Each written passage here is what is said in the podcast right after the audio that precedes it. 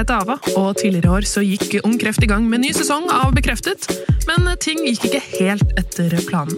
Vi ble rammet av en pandemi som har satt livet til mange på hodet. Men med støtte fra Stiftelsen DAM kastet vi oss rundt og laget denne bonussesongen av Bekreftet. Vi skal snakke om alt som er utfordrende, nytt, og prøve å svare på alle spørsmålene du måtte ha om denne rare tiden.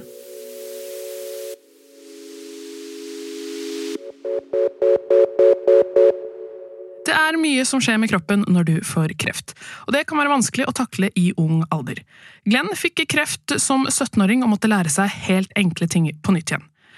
Det er nok noen ting med kroppen som ikke blir helt som før, men vi skal snakke med Glenn om veien fra å ikke kunne se på TV i 15 minutter engang, til en ganske krevende høyere utdanning. Da har jeg fått besøk av Glenn. Velkommen. Jo, hei. Hei, hei. Takk skal du ha. Kan ikke du fortelle litt eh, om deg selv? Ja, litt sånn generell informasjon, da. Ja. Jeg er eh, en mann, 25 år gammel.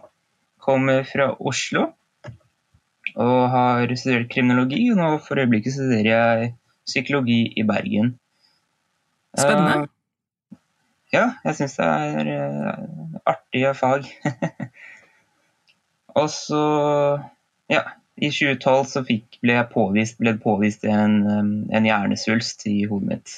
Ja, og det er jo derfor jeg har invitert deg i dag, er jo for å snakke litt om dette. Kan ikke du fortelle litt om hva din krefthistorie er? Ja, det kan jeg prøve å gjøre. um, jeg, ble, jeg, var på et utvekslingsår i, i Berlin i 2012.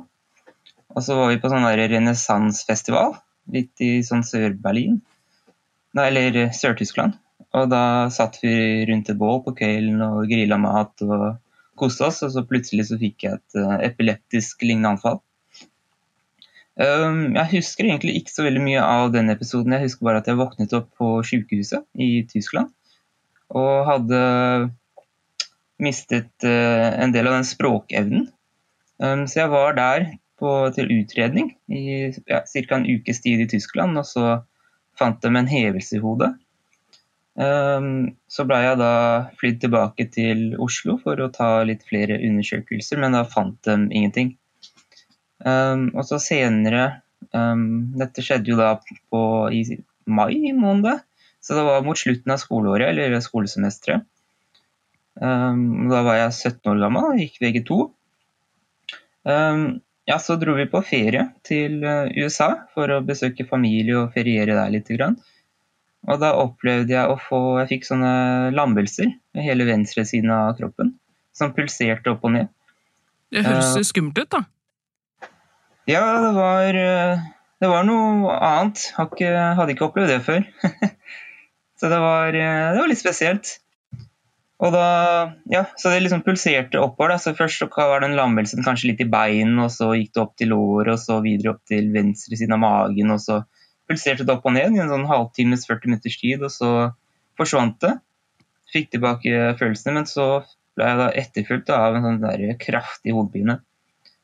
Så da første gang dette skjedde, så var vi hos tanta mi. Altså da ringte vi ambulansen, så endte jeg på sykehuset i USA. Uh, ja, og der fant de da, de tok noen spinalpunksjoner og MR-er og liksom diverse prøver, og der fant de da noen uh, ugunstige celler da, som uh, svømte rundt. Men det var veldig sånn ujevne testprøver, hvor i noen tester så fant de uh, noen ondartede celler, mens i, så tok de en ny test og fant de ingen, så det var veldig sånn Man visste ikke helt, da. Uklart? Det var veldig uklart. Og så kom jeg tilbake til Norge, og da Ja. Når de da til slutt så fant de at det var, fant de noen kreftceller der, og da var det rett tilbake til flyd, hasteflydd hjem til Oslo, og så rett, til, eh, rett inn på Radiumhospitalet. Uten å være hjemme først. det, det, høres jo ut som en litt, en, en sånn krevende og skummel opplevelse, men merka du noen store forskjeller på helsevesenet i USA og i Norge? Uh, nei, det kan jeg ikke si at jeg gjorde. Uh, det var ganske likt. Den eneste jeg husker ja, En forskjell er jo kanskje maten. Eller hvordan maten planlegges eller organiseres. Der var det sånn at man som pasient så kunne jeg, måtte du bestille mat, hvor du da snakket inn i en sånn der eh, pasienttelefon ned til kjøkkenet, og så bestilte du akkurat den maten du ville ha. Som room service, liksom? Eh, ja, faktisk så kom eh, sykepleierne opp med maten. da. Men du måtte være veldig spesifikk da, på hva det var du bestilte. Hvis du til frokost, hvis jeg hadde to brødskiver, og en skive med salami, så måtte jeg være veldig presis på at jeg ville ha to salami um, eller ja, to, to salamier. da. For det første gang jeg gjorde det, så fikk, var det ikke nok til å dekke hele brødskiva engang. Så var Så du fikk nøyaktig det du ba om? Ja, det, måtte, det, var veldig nøyaktig. Så hvis du skulle ha kjøttkaker og noen poteter, sånn, så måtte du si jeg skal ha tre kjøttkaker og to poteter, eller så får du bare én kjøttkake og én potet. ja, altså Det er jo greit å forholde seg til det, da, for så vidt da slipper du å gjette porsjoner. Ja, ja, absolutt. Var, jeg ble litt sulten av det første dagen da jeg ikke hadde skjønt det der helt. det skjønner jeg. Men ja. Eh, du kom jo tilbake da til, eh, til Norge, eh, og da fikk du da en diagnose? Ja, eller det tok litt tid. Fordi da jeg var på etter at jeg hadde vært i Tyskland og kom tilbake til Norge, så ble jeg satt på eh, noe kortison, for, for de fant en hevelse i hodet da, i Tyskland. Og da hadde jeg gått på denne kortisonen i veldig lang tid. Um, som skyggela mange av de MR-bildene som vi tok på sykehuset her i Oslo. Um, så fra uh, mai måned til eh, september måned så jeg, visste de ikke helt hva det her var. Eh, men etter hvert som de fikk redusert eller trappet ned den kortisondosen, så, så de endelig, fikk de endelig se den svulsten. Da. Så da ble jeg hasteoperert. Så den kom ganske brått på, kan du vel si. Ja, det skjønner Diagnosen, ja. ja for hva, hva, var prognosene dine? Hva sa, de, hva sa de om det? Nei, de det husker jeg ikke helt, skal jeg være helt ærlig. Det er, eh, men eh, det kunne liksom ha gått begge veier. For det var et tidspunkt der hvor jeg lå hvor jeg var veldig dårlig. da. Mm, men det var jo da før de visste hva det var. Ja. Så, mm. Hva, hva syns du var det vanskeligste med å få liksom, kreft, eller høre ordet kreft? Nei, for meg så var det jo et veldig ukjent ord. En veldig sånn ukjent sykdom, kan du vel si. Eh, du har jo hørt masse om det, men du vil, trodde aldri at det kom til å, å ramme deg. da. Eh, men da jeg først fikk høre at jeg hadde en kreftdiagnose, så var det mer en det er kanskje litt rart å si det, men en, en lettelse, for det hadde gått så lenge uten å vite noe. At det var så mye usikkerhet at nå, nå visste vi endelig hva det var, og så kunne jeg starte en behandling. da. Fordi ja, disse her lammelsene de pågikk fortsatt underveis, så det var liksom godt å vite at det nå nå kan vi gjøre noe med det. da. Ja, det har vi jo snakket om, er jo en sånn gjentagende tema som dukker opp i alle episodene når vi snakker om kreft, er jo dette med uvisshet. Eh, ja. er noe av det som er mest krevende. Eh, den perioden før man får diagnose, eller kanskje før man får vite hvordan det går. Eller man, man lever hele tiden uten å helt vite noe. Ja. Men det har jo også da skjedd en del ting med kroppen din underveis. For det var jo ikke sånn at du opererte, og så Dro du hjem? Uh, nei, nei det, nei, det var ikke så heldig. det ble jo da en operasjon etterfulgt av en cellegiftbehandling og uh, strålebehandling. Så det har jo skjedd, uh, hva skal jeg si. Da jeg ble syk, så veide jeg vel mellom 70 og 75 kilo, og så i løpet av en fire måneders periode med strålebehandling og cellegift, så var jeg nede i 50 kilo. Ja. Så det var ganske Klarte ikke å spise. Det, det gikk i sondeernæring og intravenøs ernæring. Ja. Og så måtte du jo lære deg helt enkle ting eh, på nytt igjen? Uh, ja, altså under etter operasjonen så sleit jeg veldig med å gå. Hvor jeg da uh, hadde, hadde, store vanskeligheter med, med balansen. da. Samtidig som at jeg var jo ikke Når du ikke spiser, så har du ikke energi til å opprettholde muskulaturen. Så jeg måtte jo bygge opp eh, Ja, måtte lære å gå på nytt igjen og bygge opp musklene og, og alt, da. Og, men, og hvordan, eh, hvordan syns du det var? Hvordan opplevde du det? Nei, altså, det var jo Hva skal jeg si? Hvordan det var? Det var eh, Det er jo dritt, da. Å vite at du har vært i god form og Og så blir du sendt tilbake til eh, steinalderen. Du må bygge opp igjen fra scratch. Ja, for Hvordan var kroppen din før du fikk kreft? Nei, jeg, jeg var eh, Jeg vil påstå at jeg var nokså godt trent. Jeg satte en skolerekord i Tyskland mens jeg var der, i løping. Så det, det lever jeg på fortsatt. ja, Så det var, kontrasten var stor? Ja, det var en, en, ja, en, grei, en grei kontrast, ja. Men likevel så syns jeg det var utrolig fascinerende å se hvor mye kroppen tålte, og eh, hvor fort ting kan endre seg da, fra å være i god form til å plutselig være helt sengeliggende. At det var, det var noe nytt. Det var noe nytt og eh, veldig interessant. da. Ja, for Begynte du da å studere psykologi. Eh, var det planen hele veien, eller er det noe som dukket opp underveis? Nei, altså jeg har jo alltid vært uh, interessert i psykologi. Men det er vel kanskje litt nå etter at uh, etter sykdommen og vært i møte med mange gjennom ung kreft og ja, at jeg synes at det har blitt enda mer interessant, da. Men satte du deg noen mål uh, underveis, eller noe du tenkte du når jeg, når jeg kom meg gjennom dette, så skal jeg klare dette? Ja, altså jeg satte meg jo mål hele tida.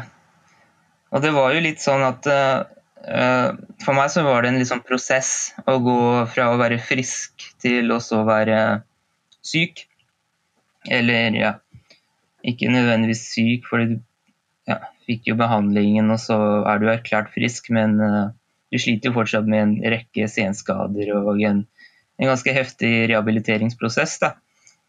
Så det var, det jo, For meg så var det en, eh, en overgang da, fra å være den friske Glenn til å være den, den nye Glenn da, med en, en, ny kropp. på en måte. Og det tar jo litt tid da, å uh, bearbeide de følelsene. da, Og skjønne at nå, eh, nå må du begynne på nytt igjen. og så å gi den nye tilværelsen en mening da, og sette seg nye mål. Og ikke tenke at det er alt det du kunne før, men heller fokusere på her og nå og hva du kan jobbe videre med. da. Så for meg i starten så var det det å bare komme opp av sofaen. Jeg husker at jeg måtte gynge meg opp, for jeg hadde ikke nok magemuskler til å løfte meg opp sjøl. Og så var det det å gå noen skritt til kjøkkenet, og så etter hvert litt lenger ut, på, ut i hagen og så rundt om i, i skogen. Jeg lever veldig nærme skogen, så det var godt å bruke det som litt sånn rehabilitering. Ja, Du satte deg liksom små delmål, sånne ut, ut, på kjøkkenet. Og det å gå på kjøkkenet, det er et mål? Ja, det var et, det var et mål, ja. Og det å kunne ordne seg sjøl og ja, få tilbake litt den der eh, autonomien, da, eller selvstendigheten. Det var eh, ja, å kunne bestemme selv hva jeg ville gjøre. mm. Men det tok jo det tok lang tid. Ja, for du, og du har jo slitt en del med, med senskader også.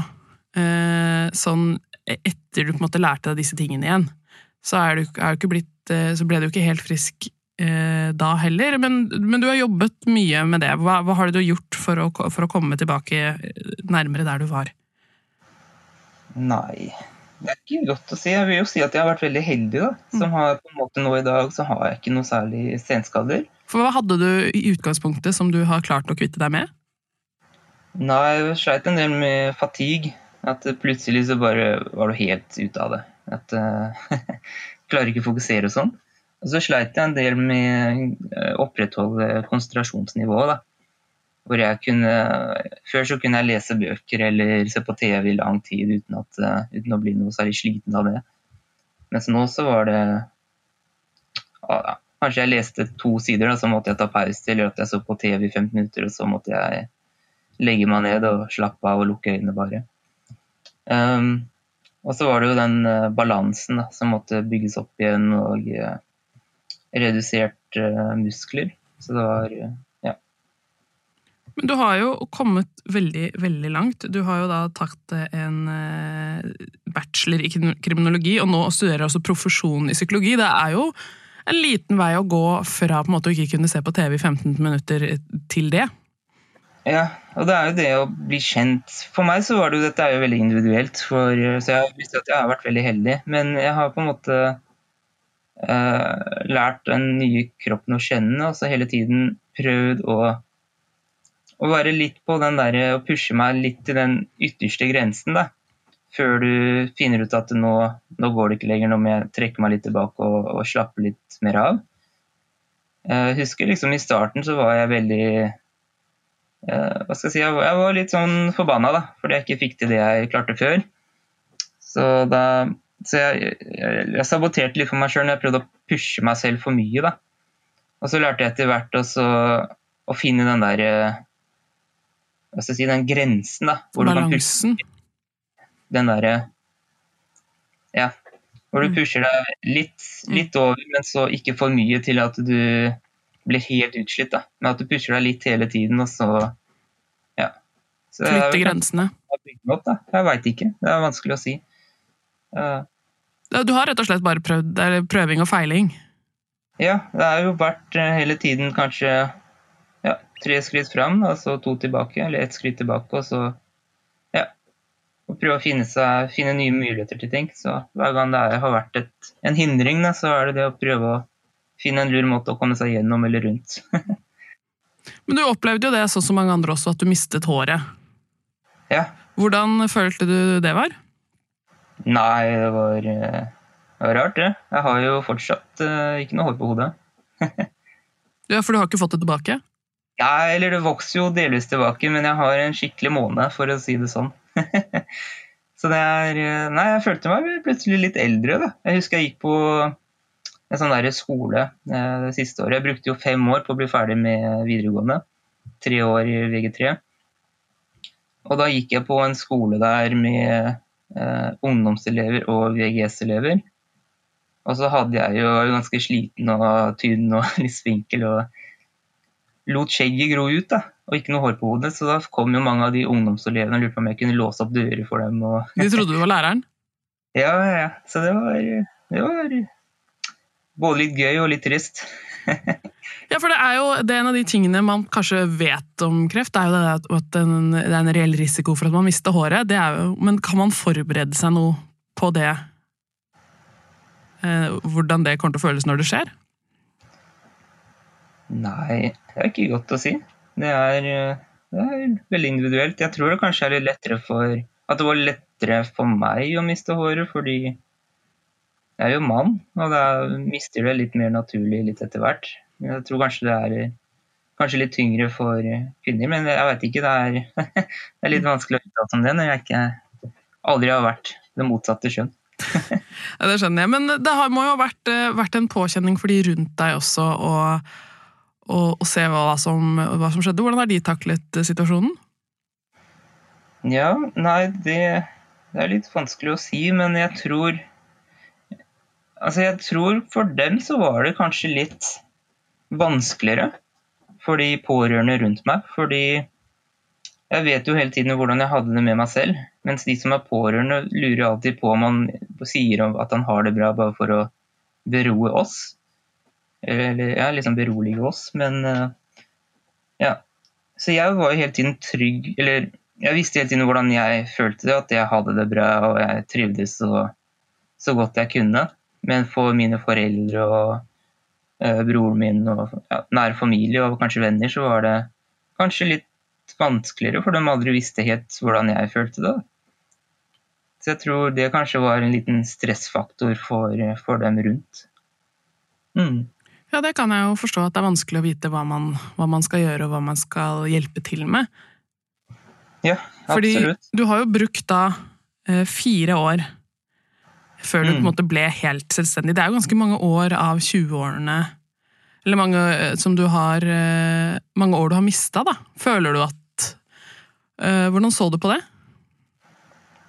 Ja, nei, altså, ja, for det var jo, ble jo syk i 2012, og så var det halvveis inn i 2016 da, hvor jeg begynte å spise normalt igjen. Og, og begynte å gå igjen og, og fikk tilbake Ja, begynte å fungere litt normalt igjen, da. Og da mistet jo Ja. Du mistet, du gikk jo glipp av en del ting da, i de fra du er 17 til 21-22. Men igjen, da, så, ja, så du gikk jo glipp av russefeiring og andre arrangementer og venner da, som kanskje ikke, som du mister litt kontakt med, og ferier som du ville vært med på, og litt sånne ting. Men igjen, da, en forsinket skolegang f.eks. Men igjen da, så er det jo i løpet av de fire årene så har jeg blitt proppa full med så mange livserfaringer som andre eh, på min alder ikke kan rutte med. da. Så i løpet av disse fire årene så har jeg liksom bare blitt ja, proppa full med så mange nye erfaringer som jeg kommer til å eh, kunne ta med meg videre i livet. Da. Som jeg kan ja, bruke i sosiale situasjoner eller ja, Du får litt nye perspektiv på livet kanskje, og litt andre verdier. Føler, ja, føler du deg eldre enn de på din egen alder? Nei, ikke nødvendigvis så mye eldre, men jeg føler meg litt mer at jeg har At jeg sitter igjen med litt andre kanskje verdier eller livserfaringer da, som uh, de ikke har. Mm. Men uh, hvordan, ja, hvordan, opplevde du da vennene dine i den perioden? Var de eh, Hvordan tok de det? Det er jo en, er en alder hvor det skjer mye, og hvor man ikke tar livet så fryktelig på alvor. Ja, nei, du, du har jo de som er der for deg, så har du de som kanskje blir litt mer forvitrer litt. da. De forsvinner litt mer og mer. Så du får virkelig ja, Du merker fort hvem som er eh, dine gode venner, og de som ikke er, er der, da. Eh, ja, for å si det sånn. Det hadde kanskje skjedd allikevel, men eh, på et senere tidspunkt? Ja, det er, ja, det er det jeg velger å tro. når man begynner å studere og sånn, så blir det jo Ja. Og det er jo litt sånn nå når når du blir syk i VG3, og så har du kanskje venner det første året, og så etter hvert som de begynner å studere i andre byer, og sånn, så blir det mindre naturlig å ha like mye kontakt. Så det er jo også en, eh, en naturlig forklaring på det òg. Men eh, nå lever du jo et eh, tilnærmet normalt liv. Men er det noen ting som Du nevnte jo dette med at håret ditt blir nok aldri som før, men er det andre ting du, som aldri blir som før for deg? Uh, nei, altså det er, det er veldig vanskelig å si. Man, det kan man liksom ikke helt vite. Men uh, jeg sliter jo fortsatt litt med liksom balansen og, uh, og, sånne ting. Litt sånn svimmelhet hvis jeg vinkler huet på sånn litt sånn spesiell måte. Som går veldig kraftig utover stjernekikkingen når jeg ser på stjerner. nei da, så det er Jeg håper at det kan bli som, så tilnærmet som normalt igjen. Men uh, igjen, hva er det som er normalt? Det er, vi alle har jo noen vondter og ubehageligheter, så det er ja.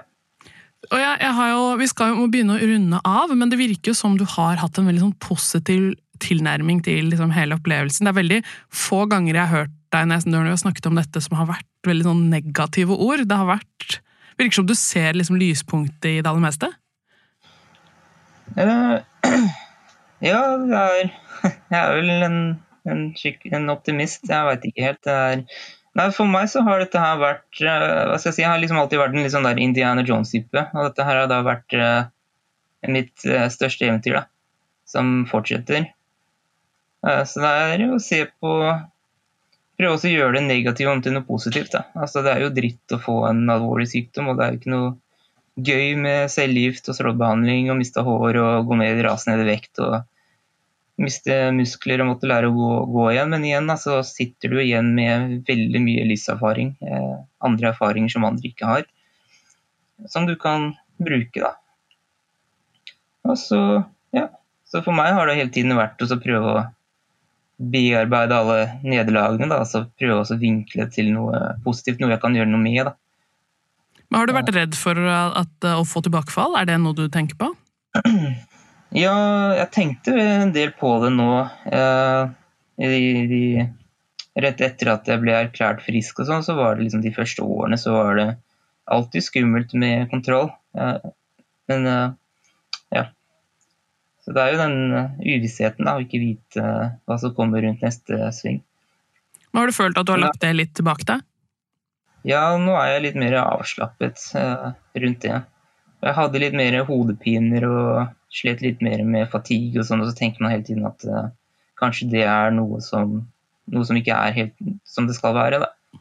Mens nå i dag så er, har jeg ikke vært plaget så veldig mye av det lenger, så da, da er jeg litt mer rolig, tror jeg. Mm. Og så får man litt mer avstand avstand til ting, da. Mm, ja. Etter hvert som årene går. Ja, eh, og vi skal nå, Vi må nesten begynne å rydde men helt til slutt så vil jeg gjerne spørre deg om du har noen tips til, eller noen triks. fordi du har virker som du har, eh, har kommet deg gjennom dette på en veldig god måte. Har du noen tips til noen som skal gjennom det samme? Stort spørsmål, men uh... Det er jo veldig mange tips, da. Altså, eller det er jo veldig mye Altså, vi er jo forskjellige også. At det som virker for meg, det er ikke nødvendigvis at det virker for andre. Men for meg så var det det å Ja, å, å være positiv. Mye, mye galgenhumor og finne humor i, i det meste. Også, og det som hjalp meg også, det var sånn åpenhet rundt sykdommen. At uh, I starten så merket jeg det at det var en del som kikka litt rart på meg. og Spesielt i sånne sosiale sammenhenger så lurte jeg på hva i all verden er det som er gærent med den gutten der? Når du liksom er knallhvit i ansiktet og ikke noe hår på hodet og veier uh, knapt 50 kilo. Så, ja, så folk begynner å lure, da. Men med en gang jeg fortalte litt om min historie, da, så var de plutselig eh, veldig sånn der nysgjerrige på det. da, at det, Jeg følte ikke den samme altså stemplingen eller stigmatiseringen. At det var eh, mer Du blir sett som den du er, da. Og at det blir ikke stilt noe spørsmål ved det, for da veit de hva, hva, ja, hva, som er, hva, hva, som er, greia. ja, for det er jo ofte sånn at eh, Og det er jo ekstremt ubehagelig at folk stirrer, men ofte så stirrer folk fordi de er nysgjerrig, ikke fordi eh, for å være slemme. Ja. Så jeg husker liksom første skoledag, og når jeg møter folk nå for første gang eh, under fadderuka nå i fjor høst, så var det jo var jeg liksom rett på sak. Bare fortalt at eh, jeg har hatt en eh, kreft Jeg har vært gjennom en kreftsykdom, så det er derfor jeg ja, kanskje har litt mindre hår på hodet og et arr i bakhodet. Men det, det er tøft, det, da. så det er, Får du unna, unna med en gang? Ja, så slipper folk også å lure. da, Og komme med sine egne tanker og teorier om hva som kan kunne ha skjedd. Og så bruker jeg jo, går jo til eh, Apollo Hår da, og får uh, satt på en sånn eh, halvparykk som de limer fast i huet på meg. så det funker det òg. ja, de har heldigvis tupébransjen, holdt jeg på å si. Det som før ble kalt tupé, har heldigvis kommet et stykke på vei, så nå ser det på en måte ikke ut som du har en død vaskebjørn på hodet, sånn som du gjorde, gjorde tidligere. Nå ser det jo veldig fint ut. Jeg håper da det. det. Det. ser ganske naturlig ut, og så er det godt å vite at du slipper å ta, ta Nava på hver gang du skal dusje eller bade eller gjøre litt sånn, være litt mer aktivitet. da. Så det, ja, så det er, et fint alternativ hvis man ikke ønsker å å blotte huet sitt helt. ja, nå er det veldig Selv jeg også har jo, har jo noen parykker uten at jeg nødvendigvis trenger det, men rett og slett for variasjon. Så er det veldig lett å få tak i parykker om, om, dagen, og veldig fine. Så det er muligheter. Det er det. Men Glenn, eh, jeg vil takke deg eh, for at du kom. Jo, takk. Eh, og så takk for at du delte din historie. Ja, takk, takk. Tusen takk for at du har hørt på denne episoden av Bekreftet. Ny episode kommer hver tirsdag og fredag.